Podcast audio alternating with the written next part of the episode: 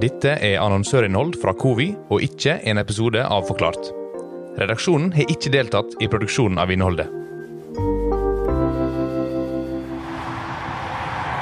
Dette er forskere ganske sikre på. Vi klarer å løse all dagens trafikk i rushen med kun 10% av bilene. Det er ganske mange problem knytta til bilbruken i byene våre. Og veldig mange stemmer sier at sånn kan ikke vi fortsette. Samtidig skjer det veldig mye. Det sykles mer, det reises mer kollektivt, og inntog av selvkjørende teknologi kan snu opp ned på alt. Vi går nok mot en framtid der privatbilismen i byene vil forsvinne. I denne episoden skal vi prøve å finne ut hvordan vi kan fikse trafikken i byene våre. Og hvorfor Norges største forhandler av privatbil satser tungt på bildeling og sykkel. Og hva skjer egentlig med trafikken hvis du kan ta robottaxi til jobb? Dette er Annonsør i Nold, produsert av Skipsted Partnerstudio for Covi.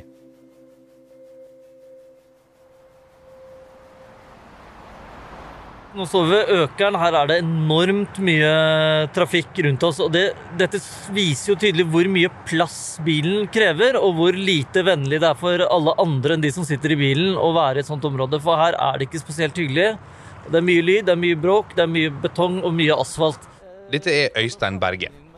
Han er samfunnsøkonom i Covi og jobber med byutvikling og mobilitet i byer. Spesielt er han opptatt av hvordan framtidas teknologi og selvkjørende biler kan løse et av de største problemene med bil i by, nemlig plassbruken. Han mener at vi må finne helt andre løsninger enn å bygge mer vei.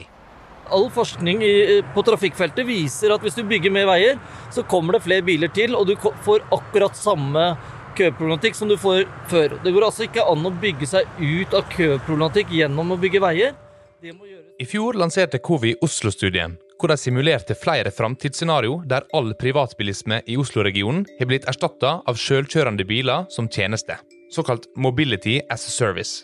Det vil si, du bestiller en bil, en robottaxi. Den plukker deg opp, kjører deg dit du skal, og tar med eventuelle andre som skal samme vei. Og Når du går ut av bilen, så kjører den videre alene for å hente neste person.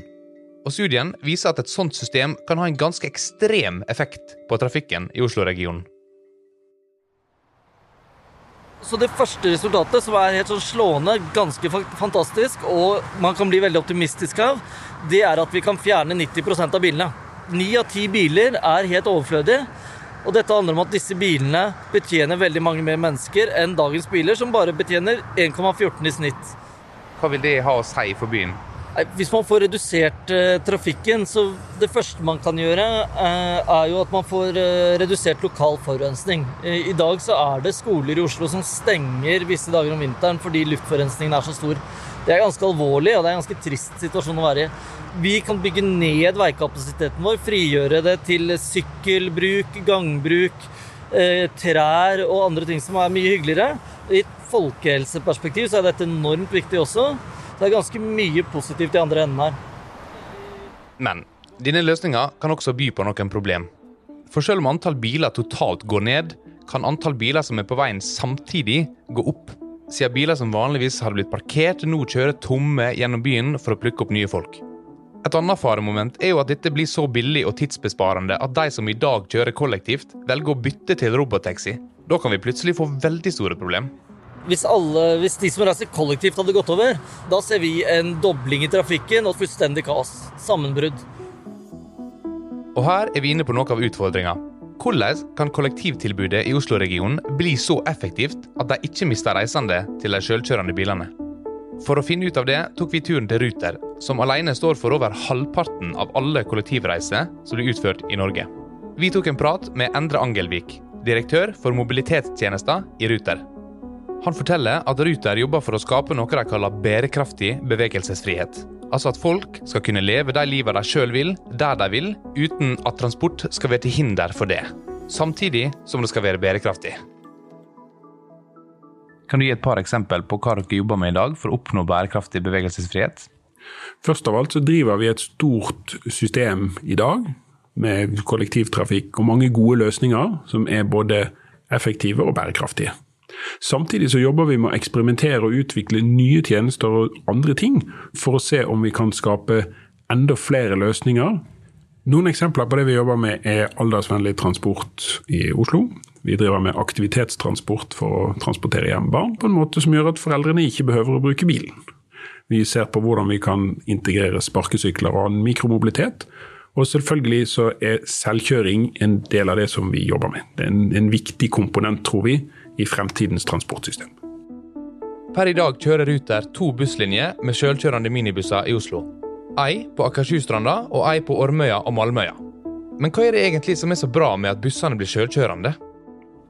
Det gir oss veldig mange spennende muligheter for å kunne bruke mindre kjøretøy, kunne kjøre oftere, kunne kjøre flere steder vi, som vi ikke kan kjøre i dag, og klare å kjøre folk fra der de er, til dit de skal. Og kanskje til og med klare å skape så gode tjenester at folk ikke alltid trenger å verken bruke, eller kanskje til og med eie sin egen bil. Hvis man skulle levd uten bil i Oslo-regionen i dag, hva skal til for å få til det? Det som vi prøver å jobbe med, er å se om kan vi sette sammen kollektivtrafikk, sykkeltjenester, mikromobilitet, delebilløsninger, eventuelt leiebil- og taxitjenester, til én samlet pakke til kundene, som kundene kan oppleve som et reelt alternativ til å eie sin egen bil. Det som er interessant med en sånn type sammensetning, er at Undersøkelser og erfaringer fra andre steder i verden viser at den typen tjenester veldig ofte fører til at man kjører mindre privatbil og bruker mer delte løsninger og mer grønn mobilitet. Norske byer blir flinkere og flinkere til å legge til rette for mindre bilbruk i bykjernene og mer grønn og bærekraftig transport. Oslo ble i fjor kåra til Europas miljøhovedstad, og både Oslo og Bergen, og snart også Trondheim, har begynt å dedikere parkeringsplasser spesielt til bildeling. Det gjør at også Norges største bilselskap, Møller Mobility Group, har begynt å tenke annerledes. Jeg heter Ane Furu og er ansvarlig for nye mobilitetstjenester i Møller Mobility Group. Det innebærer at jeg er ansvarlig for de initiativene som vi gjør innenfor mobilitetsfeltet som ikke er knytta til vår tradisjonelle kjerne, som er å importere, finansiere, selge og drive service på bil. Eh, og Der er det liksom to konkrete initiativ vi har. Vi har eh, bildelingsselskapet Hyre og mikromobilitetsaktøren Urban Infrastructure Partner. Urban Infrastructure Partner er bedrifter som bl.a. står bak bysyklene både i Oslo, Bergen og Trondheim. Og Hyre er ett av flere bildelingsselskap som har dukka opp i løpet av de siste åra. Hvorfor er Hyre viktig? Hyre for oss er superviktig for å eh, være med å teste ut nye mobilitetstjenester. Eh, både i forhold til hva som slår til hos de ulike kundegruppene, men også hva som kreves for å kunne levere eh, gode og bærekraftige tjenester på, kort og lengre sikt. Men sykler og delebiler kan ikke løse alt sjøl. For å virkelig gjøre en endring, så mener Ane Furu at byen og de aktørene som tilbyr transport, må samarbeide.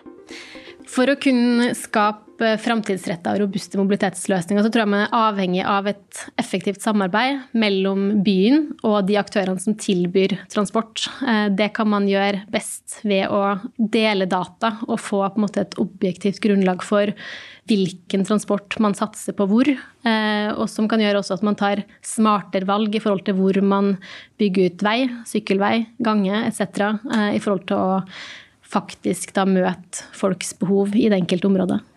Eksempelvis så, så deler jo Oslo Bysykkel eh, åpent sine data om hvor folk sykler. Her ser vi jo ikke nødvendigvis at der folk sykler sammenfaller med hvor kommunen har eh, bygd ut sykkelveier. Eh, og hadde man brukt de dataene aktivt i forkant, så kunne man kanskje brukt de midlene mer effektivt. Bærekraft og mobilitet henger tett sammen, og som vi har hørt, så skjer det veldig mye allerede. Men hvis man virkelig skal tenke bærekraftig mobilitet, så mener Øystein Berge i Covi at vi må ta ett steg tilbake. Eh, så når man ser på mobilitet, som egentlig bare handler om hvordan man eh, beveger seg fra A til B, så må man tenke helt annerledes på det fremtiden.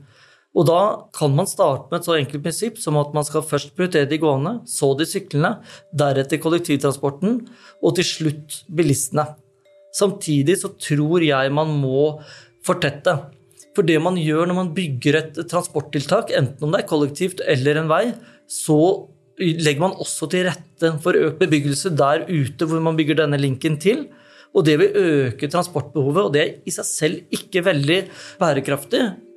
Berge er likevel optimist. Han mener at det gjøres mye riktig, og han er klokkeklar i sin spådom om framtida. Eh, vi går nok mot en framtid der privatbilismen i byene vil forsvinne. Og hva er det som skal ta over? Det er en kombinasjon av selvfølgelig sykkel og gange, kollektivtransport og selvkjørende kjøretøyer, hvor da denne transporten ikke er noe man utfører selv, men noe man kjøper som en tjeneste. Dette er en ekstremt mye mer effektiv måte å transportere seg på i områder med arealknapphet, som norske byer er.